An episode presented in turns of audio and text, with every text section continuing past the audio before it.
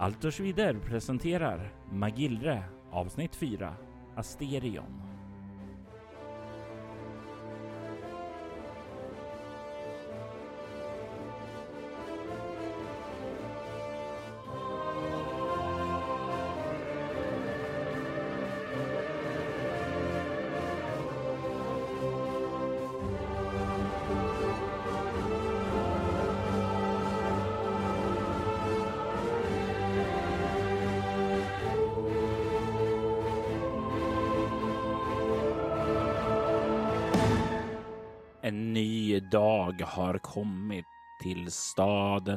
Avril Delas. de Las. Staden där Sanko Anka befinner sig just nu efter att ha flytt från sitt hem i Soblak. Han hade en del möten när han kom hit igår. Möten med nya individer och samlade information. Han letade bland annat efter Arn Dunkelbrink da Karashma för att skicka en varning. Men på eftermiddagen så fick han veta att eh, Arn Dunkelbrink inte längre verkar vara i staden utan han hade tagit ett nytt skepp och begett sig vidare söderut ned mot Kopparhavet på ostämd ort. Efter dess att han hade hört talas om en drake där nere i södern. En drake som han hade svurit att nedgöra. Men Sanko hade även lyckats skapa sig ett möte med Mäster Mestras i hopp om att få någonting att arbeta med. Någonting som kunde få honom att börja återuppbygga sitt liv med. Och det är där som han befinner sig nu. På Mäster Mestras handelsbod. Rättare sagt i den bakre delen. Mäster Mestras kollar på dig Sanko och ler lite och frågar Eh, kan bjuda på ett glas vin? Eh, ja, gärna. Dagen till ära har jag väl tagit på mig de finaste kläderna jag fick med mig från när jag snabbt eh, rafsade åt med grejer in, i samband med min flykt. För att på något sätt försöka göra ett gott första intryck. Kanske även bär eh, min pata vid sidan för att, ja men... Patorna är ju ett duellsvärd som inte är särskilt lämpligt att strida med utanför det enligt lärorna då. Men det är ju så här väldigt eh, välprytt och ädelstensinfattade, så det är ju det är ett väldigt flashigt och vackert svärd ändå. Och jag tänker nog det att eh, eftersom jag inte är känd här på samma sätt som jag kanske var i Trakorien så vill jag nog ändå ha någonting som visar en viss status för att visa mig på något sätt värdig för att kunna få någon typ av jobb eller ja, liknande här. Mäster Mestras häller upp ett glas vin till dig och räcker upp ett till dig och tar sedan ett eget och slår sig ned bakom ett bord. Jag har hört mig för lite om dig och du är ju ny i trakten, men jag har snappat upp att eh, ni är en eh, kapabel man. Ni var, om jag förstår det rätt, en duellant eh, eh, hemma i Trakorien. Stämmer bra. Jag uppnådde en viss ryktbarhet där. Mm, mm. Hur skulle du säga att du eh, kan hantera dig utanför mm, duellsammanhang då? Skulle du kunna känna dig redo att försvara ja, försvara saker som fraktas till exempel? Ja, absolut. Att eh, duellera har ju kommit lite grann utav, ja men mer av min börd eh, kanske. Att eh, det, det, det, var sättet som man visade upp sin duglighet i strid. Men absolut så, så, är det ju så att jag kan strida även utanför en arena. Bra det, bra det. För det finns en del unga ädlingar här i Morildela som Du lerar ute på stadens gator men eh, gör det utan både finess och i större kunnande. Jag ville bara försäkra mig att ni inte var en av dem. Nej, och ut, utöver det så är det ju, har jag ju en ganska god bildning från mina läromästare eh, när det gäller annat. Mm, mm. Så jag är inte bara ett skarpt svärd. Ett skarpt svärd och ett skarpt intellekt. Det låter ju alldeles underbart, men eh, jag har ett litet ärende till som du skulle kunna få ta dig an. Eh, det kräver inte så mycket eh, här uppifrån, säger han och knackar sig själv på huvudet. Utan det är mer av eh, ett ganska enkel sak. Jag har nämligen en väldigt dyrbar eh, vara som behöver färdas ned till eh, en kvinna som heter Alcia. Hon driver ett värdshus som heter Alcia och Siploditen nere i eh, Gabrika. Gabrika är en eh, liten ja, stad nere på Gabanska halvön där det är ungefär, jag skulle jag uppskatta 30 mil dit. Den här varan är dyrbar och behöver komma fram oöppnad. Jag kan ju säga det till dig så att du förstår vad det rör dig eftersom du rör dig i finare kretsar. Det är inte guld och det är inte ädelstenar eller någonting sådant, utan det är en väldigt, väldigt särskild krydda som kan lyfta matens kvalitet enormt om den används rätt. Och Alcia har bett eh, mig att rekvirera det här till, åt henne.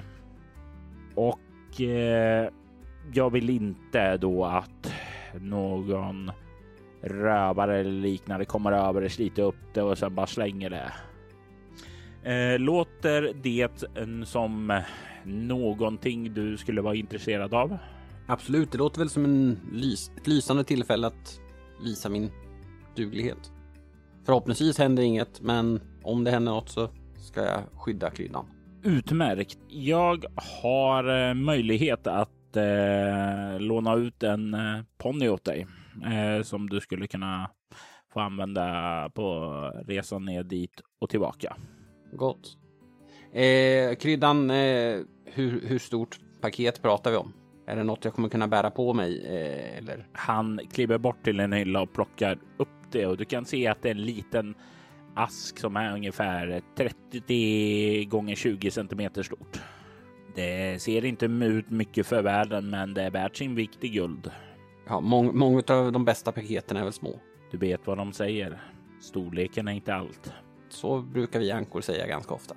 Han ler och skrockar lite när du säger det. Men eh, ni har möjligtvis inte en karta, eh, även om ja, jag är som sagt lite ny eh, här. Jag har ju ja, en teoretisk koll på Magilles kartor, förvisso baserade på trakoriska kartor, men... Eh, absolut, vänta här. Han reser sig upp och börjar gå och eh, rotar lite i sina papper och sådant där och till slut får han fram en eh, pappersark och kliver och räcker över den och du kan få kartan här som finns i självaste Magillreboken på sidan 55. Eh, han kommer fram och eh, du kan notera Magillrekarta på din utrustning.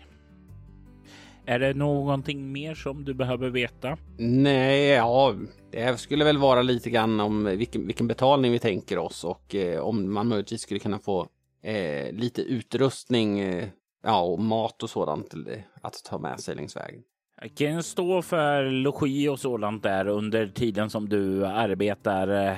Eh, Mästras handelsbod har den mest eh, fantastiska ransonerna och provianterna för en färd längs Magillres inland. Fint paketerat och i små ordentliga portioner. Det eh, kan vi ordna. Eh, I övrigt så kan vi ju tala om vad du behöver för utrustning och eh, kvittera det lite mot eh, din betalning då. Och jag tänker här kan du få slå ett slag för köpslå. Jag slår 10, har 10. Och det är ju ett lyckat där, eh, vilket innebär att eh, du blir inte skinnad på det utan får ett acceptabelt erbjudande om pengar, men inte i överkant på något sätt, utan det är ju det en rek och lön helt enkelt. Vad är det eh, för någon utrustning du vill få med dig? Alltså vapen lyckades jag ju få med mig, men någon egentlig rustning har jag ju inte haft. Jag tänkte om det finns någonting som man kan ha. Nu kanske de inte har i ankstorlek eh, uppsydd, men eh, någon typ av rustning. Som du sa, du har ju ingen rustning med dig annat än den här eh, drakfjällen som kan bli en rustning i sig då. Men eh, du är ju i det minsta laget, så de har ju ingen direkt ordentlig rustning där inne. Däremot så har de en del klädesplagg som ganska enkelt kan liksom modifieras där. Så du kan få så att du har en eh, motsvarande en ty tjock tygröstning, det vill säga att du har absett då. Mm. Medan vi sitter här så tänker jag väl att eh, den här påsen med drakfjäll som jag har.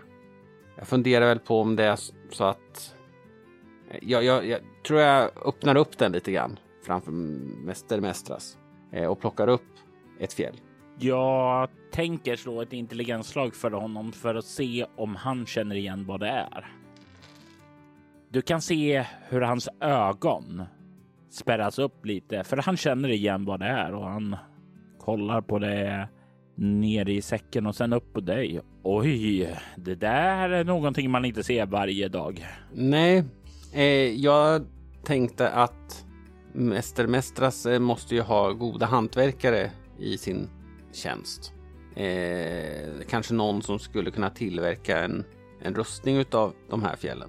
I utbyte mot att få några fjäll själv. Ja, mm, mm. han stryker sin hand genom skäggstubben där. Och han verkar fundera. Jag tror inte jag har någon som är tillräckligt kapabel för att göra det där, men eh, kontakter har jag. Jag kan nog se till att höra mig för. Kanske eh, se till att eh, ordna det tills du kommer tillbaka. Det vore bra. Eh, det skulle uppskattas. Men eh, gott. Då, eh, jag antar att det är ingen idé att spilla värdefullt dagsljus.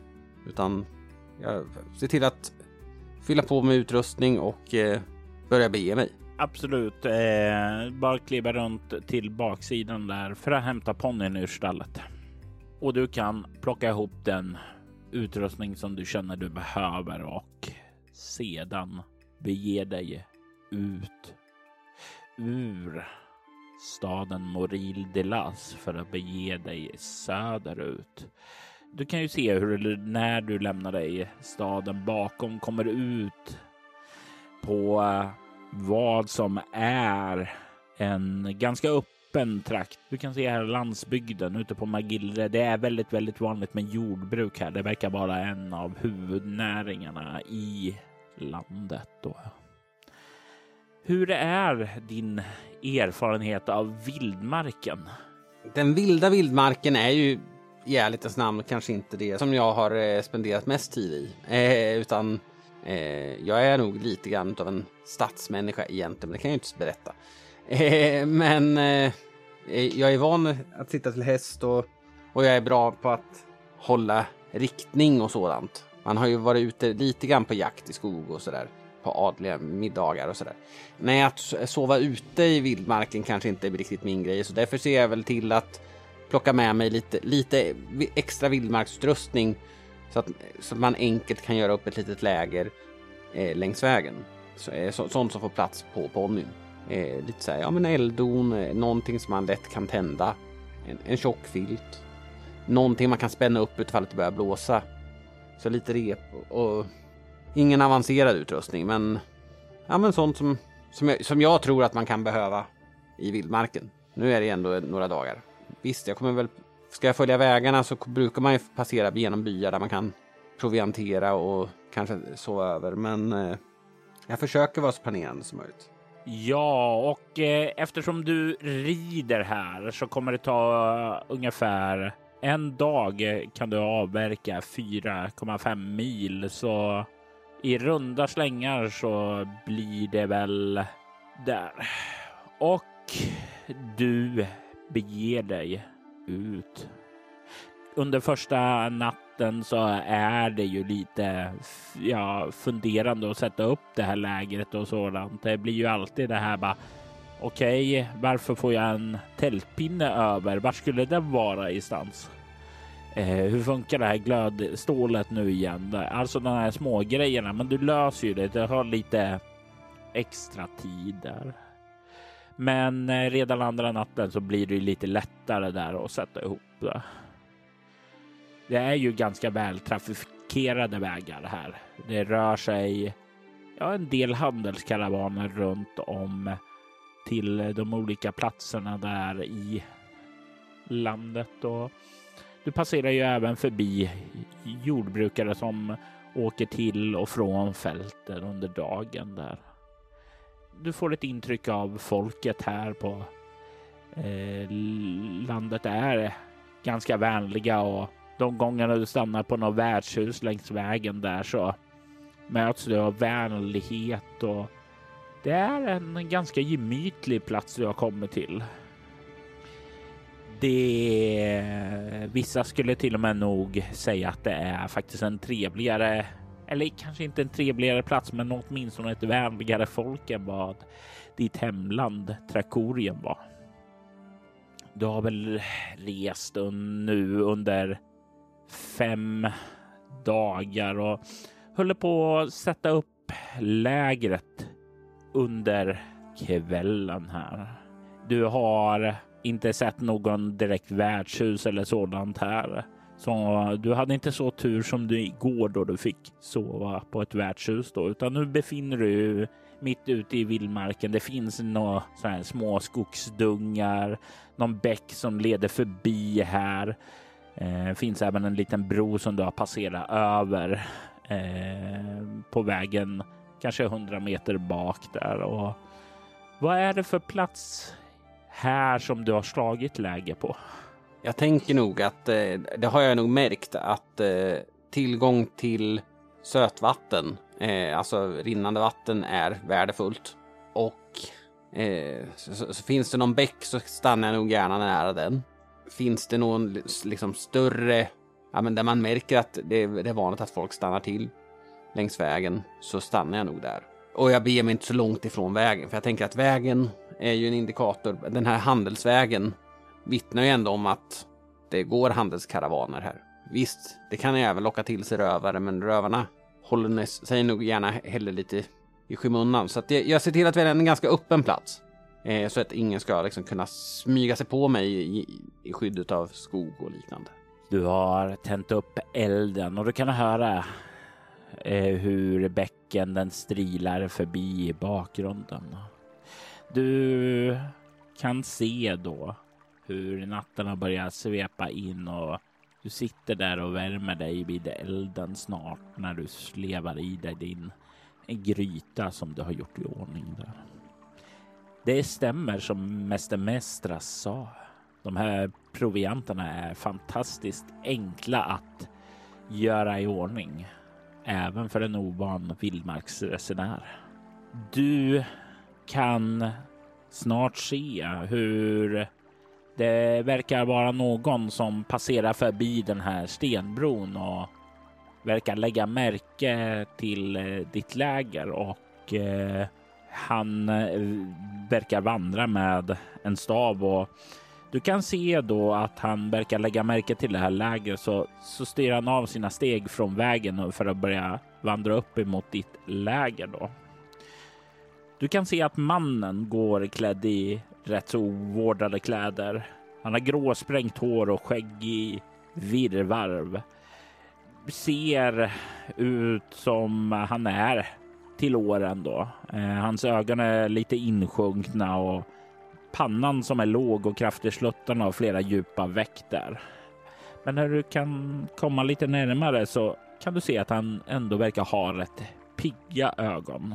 Eh, värt att notera är ju att under hela den här, med, med tanke på att det värdefulla jag har är den här lilla lådan, så försöker jag alltid se till att ha den nära in på mig. Jag har den inte i sadelväskor eller sådär, utan då har jag den hellre i en liten väska på ryggen eller så. Den är nära, alltid på din kropp. För är det så att jag kastas av ponnyn så vill jag inte att... Ponnyn skenar med den. Nej. Eh, god kväll! Uh, god, god, god kväll. Uh, är det okej okay om man uh, kommer närmare och värmer sig kring elden? ja, absolut. Delar här det dubbelvärde, eller vad säger man? Så sant, så sant. Han kliver fram där och ställer sig och sträcker fram händerna mot elden och gnider dem lite för att värma sig. Ja, det blir kyligt på kvällen. Ja, man tycker ju att jag borde ha planerat bättre, men det blev sent där i vänners eh, sällskap där. Eh, varit på besök hos några vänner. Jag brukar hålla till eh, i en liten by här söderut där. Eh, är lite grann av deras gamla sagoberättare. Asterion är mitt namn och vem är ni som jag har äran att eh, få dela värmen med? Visst är det så att jag har inte haft eh, varit så klok att jag har uppgett falskt namn när jag kom hit. Nix. Eh, som sagt, eh, det här med att hålla låg profil, det har inte det handtränat. Heder, eh. Ditt namn är ju lite grann också ditt eh, CV. Ja, Eh, mitt namn är Sanko. Trevligt att råkas. Ah, jag, jag, jag, hör, jag hör en dialekt i din röst som bryter. Från Trakorien? Eh, ja, stämmer gott. Haha, ja, skönt att se att jag har det. Som ung, innan jag blev sagoberättare, så var jag handelsman. Så lite takter sitter fortfarande kvar här. Men, men, eh, det det är ju en bit härifrån. Vad för er till vårt ringa lilla land? Det är alltså vi, vi må vara ett eh, vidberest eh, folk som bedriver handel med många platser, men det är ju ingen skapelsekrona som eh, de trakoriska öarna var. Nej, men eh, som, som ni kanske känner till så vi, vi vita ankor är ju kända för eh, ja, att bedriva mycket handel och sådant. Så att eh, ja, jag blev eh, hitskickad för att leta lite grann efter eh, nya handelsbundsförvanter eh, kan man väl säga. Eh, lite, lite eh, reka lite grann vad som vad, vad det finns för möjligheter här. Jag tänker mig ändå att du kan förslå ett bluffarslag här, för det här är ju... Det är lite lugnt. eh, samtidigt som vi, vi samtalar så, så, vill jag också eh, granska lite grann hans intentioner. Mm. Eh, men jag börjar med att slå mitt bluffarslag. Åtta har nio. Det blir ju som han köper det och han nickar där. Ja, det gäller ju att knyta kontakter eh, högt och lågt.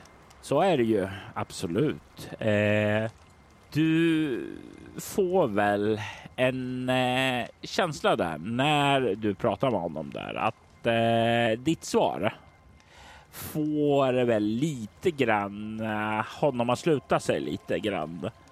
Ungefär som han hade en, kanske någon tanke och frågade dig om någonting, men ditt svar där blir väl att han inte riktigt vågar fråga det. Ni var sagoberättare sa ni? Ja, jag håller till eh, på ett litet eh, värdshus i byn Estra. Det heter Alsia och Siploditen.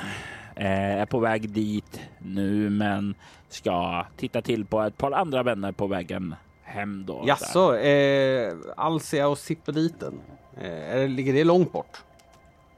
Det ligger ett, några dagar till söderut då. Eh, mycket trevligt ställe. Alcia var eh, en gång i tiden gammal skattletare. Men hon, hon sadlade om där. Eh, har en väldigt, väldigt... Eh, det är inte riktigt min historia att berätta. Men låt oss säga att eh, den, eh, det är en lång robust kvinna som driver det där värdshuset. Hon, hon vet hur man ska hålla det lugnt och skötsamt där. Men eh, om, om det inte är din historia berätta, men jag, jag tänker att det finns väl inget ställe som är bättre lämpat för historier än kring en lägereld? Åh, historier har jag många, men eh, jag, jag, det är inte min att berätta om alls. Ja. Men eh, jag har en historia för dig om du vill höra det. Absolut. En historia om äventyraren Amara. Du vet, apropå stora kvinnor, höga och robusta och stadiga i sina steg. Så är även Amara. Amara såg då hon var på väg här genom landet för många, många år sedan. Jag är inte helt klart om när det var, men det var åtminstone för några generationer sedan.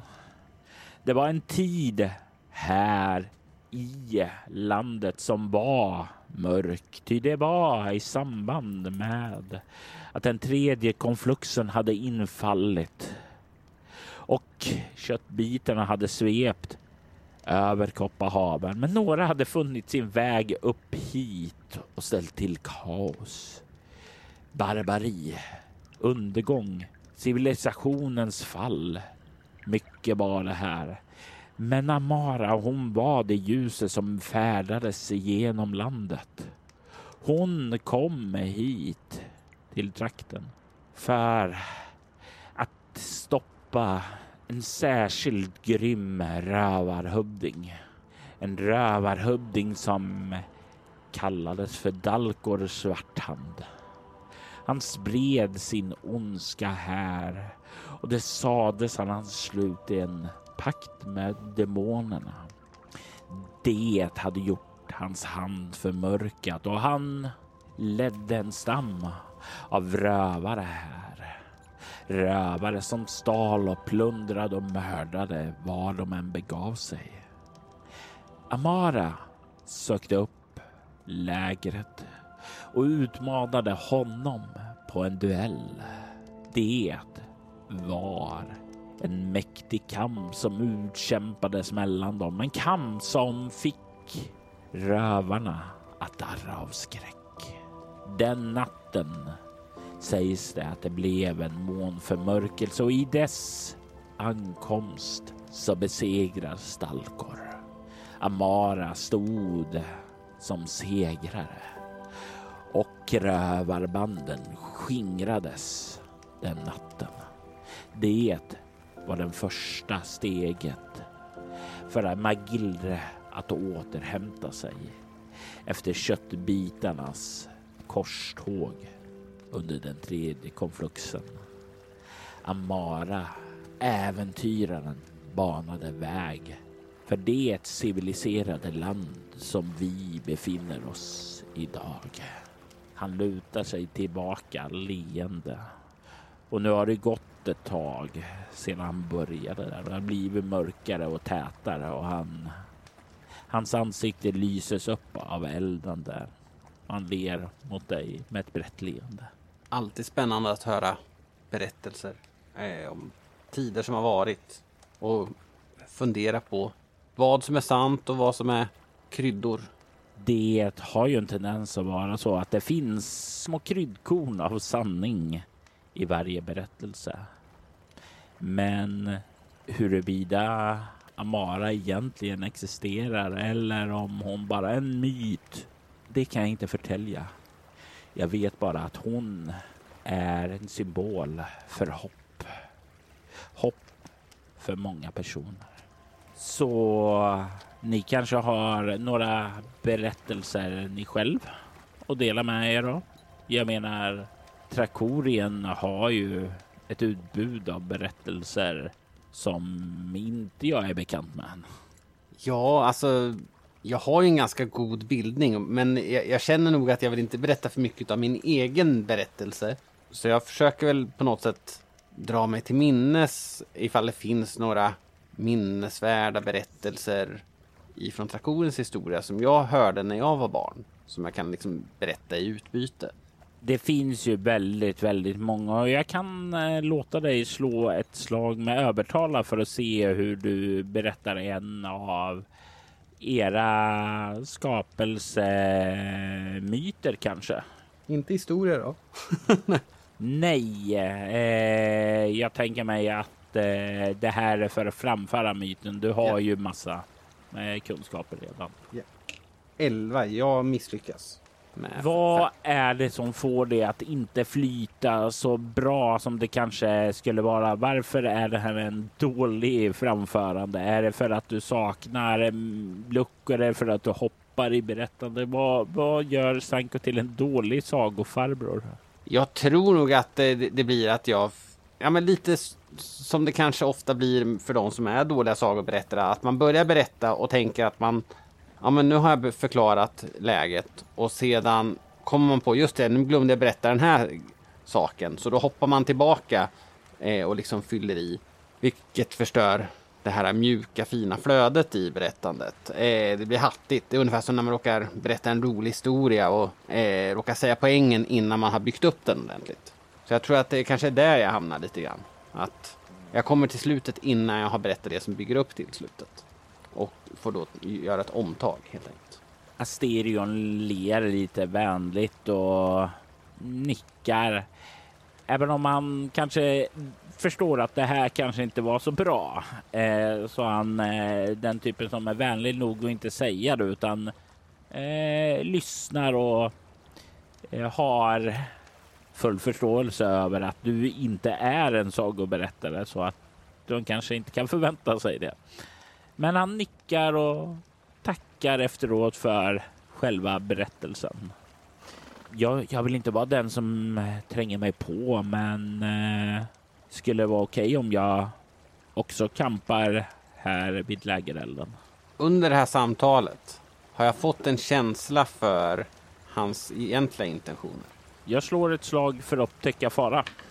Vad har du i upptäcka fara? Jag har 14 i upptäcka fara. Det är ju ändå ganska mycket. Du får väl en eh, indikation på att eh, nej, men han verkar en rätt sympatisk person. Alltså, han verkar eh, rätt så godhjärtad eh, och eh, det är ju någonting som man ville fråga dig eh, tidigare, men det som du fick känslan förut att han eh, tryckte tillbaka det var väl snarare att eh, nej, men du kanske inte är passande för det här uppdraget då som jag hade där. Och det är väl en känsla av att nej, men han är väldigt inställd mot dig. Eh, vill dig ingenting ont utan ser dig snarare som en bundsförvant här ute i vildmarken och att dela läger är ju någonting som ger trygghet då. Så nej, eh, det verkar som om han känns godhjärtad nog för att du kan känna dig trygg med honom. Eh, nej, absolut kan vi dela läger. Vi, ja, vi, vi är på väg i samma riktning så det känns ju dumt att, att inte dela lägerelden. Är det så att ja, någon skulle komma så har vi ändå varann. Om min lägereld ger dig någon hjälp så är väl det gott. Finns det något annat jag kan hjälpa dig med så får du väl säga till om det. Absolut. Frågade jag var du var på väg? Alltså, du, jag vet att du sa någonting om att du var eh, här för att knyta kontakter och sådant där. Eh, jag, jag är på väg mot sydvästra Magillre. För att göra vad? Ja, eh, hämta upp en handelsvara. Och du fortsätter furcha saker här lite. Jag låter dig ha kvar ditt lyckade bluffa till sen tidigare eftersom det går in under samma egentliga handling där. Han nickar där och ler lite. Ja, du, du har saker att upptäcka här då. Eh, då antar jag att du inte känner till missnöjet här i trakten. Eh, nej, vad då för missnöje? Ja, det är ju som så att eh, här i Gabrika så styrs vi ju av en eh, man, en eh, baron som eh, är ganska sjuklig och till åldern där. Han eh, håller sig mest uppe i sitt värn där han kurar ihop sig och sköts om av sin eh, medicus eh, Sartibug eh, kroppsvrängaren.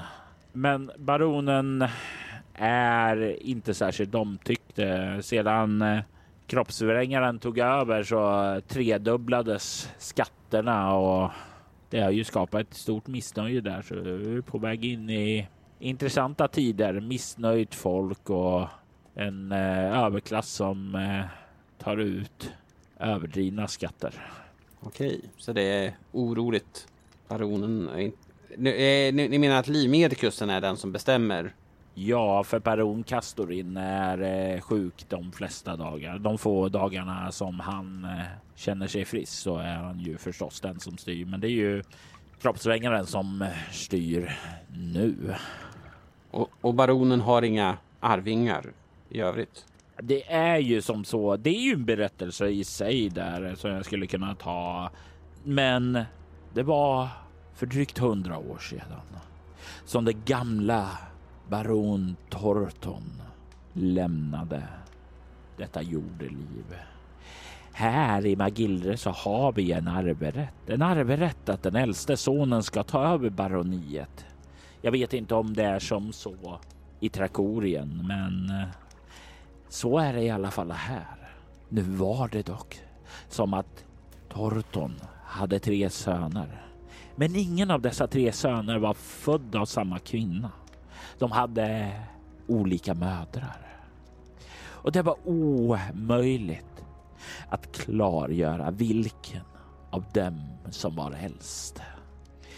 Visst så kan det här dilemmat som har uppstått ha hjälpts till av det faktum att eh, det var ett visst fifflande från flera sidor med tempeluppgifterna. Det kanske var som så att mynt bytte börser. Det kanske var som så att ett och annat vittne bara försvann spårlöst. Det blev starten på de blodiga dolkarnas konflikt. Det var ett intrigerande som uppstod och en av bröderna dog. Den andra tvingades i landsflykt till Klomelien. Under en period av cirka tio år regerade Ynis, den tredje brodern. Han, Ardian, som hade flytt till Klomelien, dog strax därefter. Men han lämnade efter sig en son. En son som tog sig till sin faders hemtrakt och med stor vapenmakt ansatte sin halvfarbror. Sedan dess har denna unges efterkommande burit kronan. Och idag så är ädlingen Kastorin den som vandrar i maktens ljus. Det är fläckat här i trakten av de här konflikterna, att det har varit kämpigt och det finns ju till och med det som anser att eh, Castorin inte är en äkta ädling utan inte har rätt till makten. Vad går igenom Sankos huvud när han hör den här berättelsen om ädlingar, om kamp, om intriger och maktspel? Att eh, makt och ära, eller vad man ska säga, tycks slita sönder alla riken. Eh, är nog hans reflektion. Att eh, kampen om att få sitta högst upp så ofta leder till blod. Tänker nog han. Även om han själv kommer från en ä, ä, ä, nej, ja, från en ädelbörd så är han nog lite uppgiven över att det så många gånger bara leder till ond bråd död. Sedan känner han väl kanske också att egentligen så är ju vem som styr i Magiller inte hans sak att lägga sig i. Men han tänker att all kunskap jag kan få om området jag befinner mig i kan vara av nytta.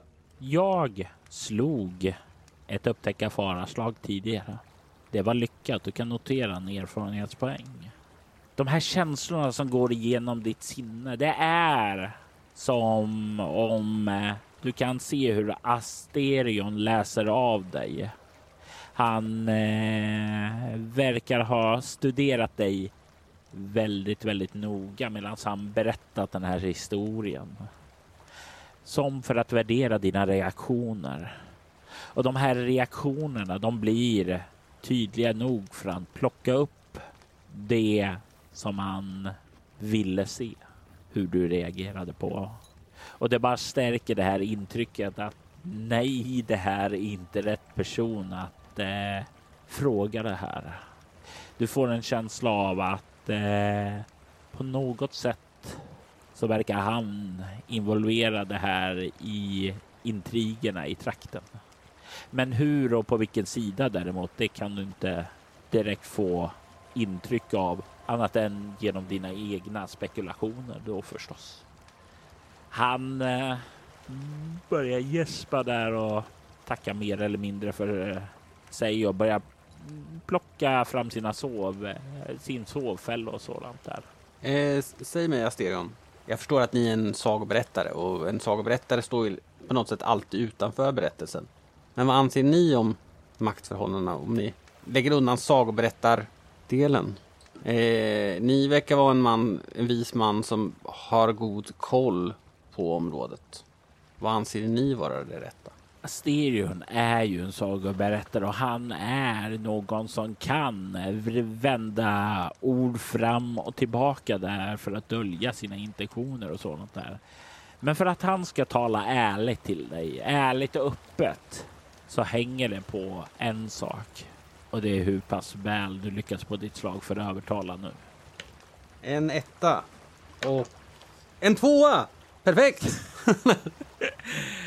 Eh, ja, det är ju någonting med dig som nu kommer resultera i att han kommer berätta dig sanningen och hela sanningen. Slå en T4 plus 1 för att se hur många erfarenhetspoäng du fick. Jag slog en fyra på den. Så att eh, det gick bra. Han eh, suckar där och säger eh, Ja, jag tror ju redan du har dina funderingar för du verkar ju ha skarpa ögon och ditt sätt att peta på mig verkar ju vara uppenbart att eh, du känner av att eh, jag har studerat dig i hopp och se om jag skulle kunna finna en bundsförvant. Jag vet inte om jag egentligen borde säga det, för jag är inte säker på dig. Men ja, det stämmer att jag har mina egna tankar om eh, i trakten där. Och är det rätt att någon ska kunna kräva en ökning på tredubbel skatt för en person när resten av folket lider? Jag tycker inte det är rätt. Jag tycker att eh, baronen har gått ett steg för långt och sakta håller på att eh, stryper välståndet vi haft en gång här. Jag ser eh, de unga i trakten som inte längre har en framtid. Jag ser de gamla som kämpar för att få det att gå runt. Och för vad? För att eh, baronen ska kunna bota sin eh, gikt. Är det rätt? Nej, jag tycker verkligen inte det. Jag tycker hända att eh, det borde ske en förändring så att folket kan få, ja, om inte bara de förtjänar så åtminstone en rättvis fördelning. Jag håller med, det låter klokt. Eh, rikedomar för ett fåtal leder sällan till något. Så vad, ni som insatt vad föreslår ni att man skulle göra åt det? Ja, det står ju mig helt uppenbart att eh, baronen måste avsättas. Och eh, enligt min erfarenhet så borde folket ta över styret eller en representant för folket. Ni är säkert medvetna om att eh, det finns de som arbetar för det här. En motståndsrörelse om ni förstår vad jag menar med medlemmar från eh, de andra familjerna från hundra år tillbaka eller? En eh, av de tre familjerna gick ju bort. Mm. Det finns ju inte längre den möjligheten. Utan det var ju Ynis som regerade här innan och eh, vi i motståndsrörelsen letar efter en ädling därifrån. För det var så sant som det var sagt att det sägs att han hade ingen som kunde ta över efter honom officiellt. Men han hade ett barn, en oäkting som levde. Oklart om han visste sitt öde och vi har folk som letar efter den släktlinjen. Men innan vi kan vara redo att göra det så måste vi se till att han inte kan hotas av baronen. Jag förstår hur du tänker, men eh, om baronen dör så blir det ju någon typ av tomrum. Eh, och det som skapas i tomrum kan ofta leda till nästan ännu värre saker än, det visar historien i alla fall, att eh, när makt blir tillgänglig så kommer nya personer vilja roffa åt sig med sina egna motiv. Men jag förstår att dessa skatter fungerar ju inte. Det fungerar ju inte att utarma ett helt land. Men eh, så motståndsrörelsen letar efter en arvtagare. Faktum är att eh, det är dit jag är på väg nu här innan jag återvänder till eh, Alsia och Siploditen. Och jag hoppas att eh, få uppdateringar på den här fronten.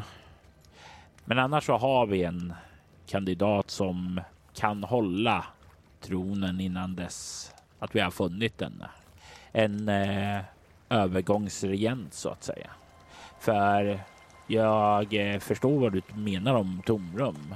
Men om vi inte gör någonting snart så finns det inget folk kvar efter att baron har strypt livet ur deras kroppar. Det är klart. Ni var på väg till någon. Mm. Ja. Eh, är det längs vägen mot värdshuset eller är, i, i vilken riktning kom han när han... Han kom från samma... Håll som jag hade färdats? Ja. ja. Så han verkar ha varit uppe i norr då. Mm.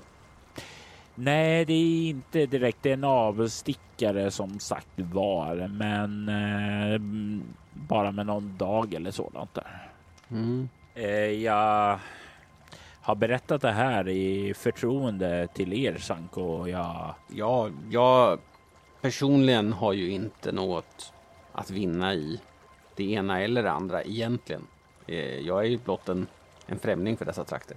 Eh, samtidigt är det ju så att om jag kan vara behjälplig för er och på så sätt bygger en positiv relation till en eventuellt framtida regent så kan ju det vara någonting som gynnar oss båda. Såklart. Och om det skulle vara som så att eh, du Sanko på något sätt eh, skapade en mer stabil grogrund här i trakten för folket så skulle vi ju vara mycket välmenande till en framtida relation här. Eh, jag vet inte riktigt vilken roll ni tänker ja, eh, tänker att jag ska fylla som, som främling till detta land. Så har ni ju absolut inga band till någon här och det skulle ju ge er en ganska stor frihet att agera rättrådigt. Men eh, som sagt var, man kan delta i en eh, baronis framtid, både mycket och lite. Exakt hur mycket är upp till en själv och ens samvete. Sanko är ju ingen mördare. Eh, han har själv eh, förlorat sin familj som följd av folk som mördar. Så ja, eh, jag, jag tror ni missbedömer mig. Jag är mer utav en duellant. Eh, så är det så att eh, det skulle handla om att kunna utmana någon på duell. Ja, det, det är mer min typ av handelskraft än att ge mig på en eh, sjuk åldring. Du kan se hur han slår upp med händerna i luften, så här, lite urskuldande och så här. Som sagt var, det var inte vad jag sa. Jag bara sa att eh, delaktigheten i vår framtida relation är upp till dig. Däremot eh, kan jag lova att jag kommer inte lägga mig i, i negativ bemärkelse i Plågas folket utav skattetrycket så förstår jag att eh, någonting måste göras. Folket måste må bra. Så är det för folket i slutändan. Du kan se hur han nickar och sedan börjar svepa sängkläderna om sig för att börja dra sig in i sömnens rike. Hans hemlighet har blivit blottad av Sankos silvertunga och Sanko har därmed sett in i hans bakomliggande fasad. Den enkla sagoberättaren Asterion är mer än vad han först verkar. Och frågan är hur den här insikten kommer att påverka Sankos framtid. I detta avsnitt har vi Jimmy Jonsson som riddaren Sango Anka. Spelledare var Robert Jonsson som även tog för ljudläggning. Kvarnberg Productions stod för klippning och kan hjälpa till med allt från uppstart av en podd till att producera den. Du hittar den på kvarnbergproductions.com. Magilla är en bok som gavs ut av Theodor Paues och gavs ut av Äventyrsspel eh, 1991. Altors Widders temamusik gjordes av Andreas Lundström. Övrig musik gjordes av ASCII, Tabletop Audio samt copyright-fri musik. Söker du efter fler poddar i liknande stil som Altors Vidder rekommenderar vi Soloäventyr och Valery Chronicles samt Patreon.com snedstreck Robert Jonsson. Du hittar mer information om våra poddar på bortom.nu. Jag är Robert Jonsson. Tack för att du lyssnar. Vi vill ta tillfället i akt att tacka, hylla och hedra våra Patreon-backare. Morgan Kullberg, Ty Nilsson, Daniel Lantz, Fredrik Derefelt och Daniel Pettersson. Ert stöd är djupt uppskattat. Tack!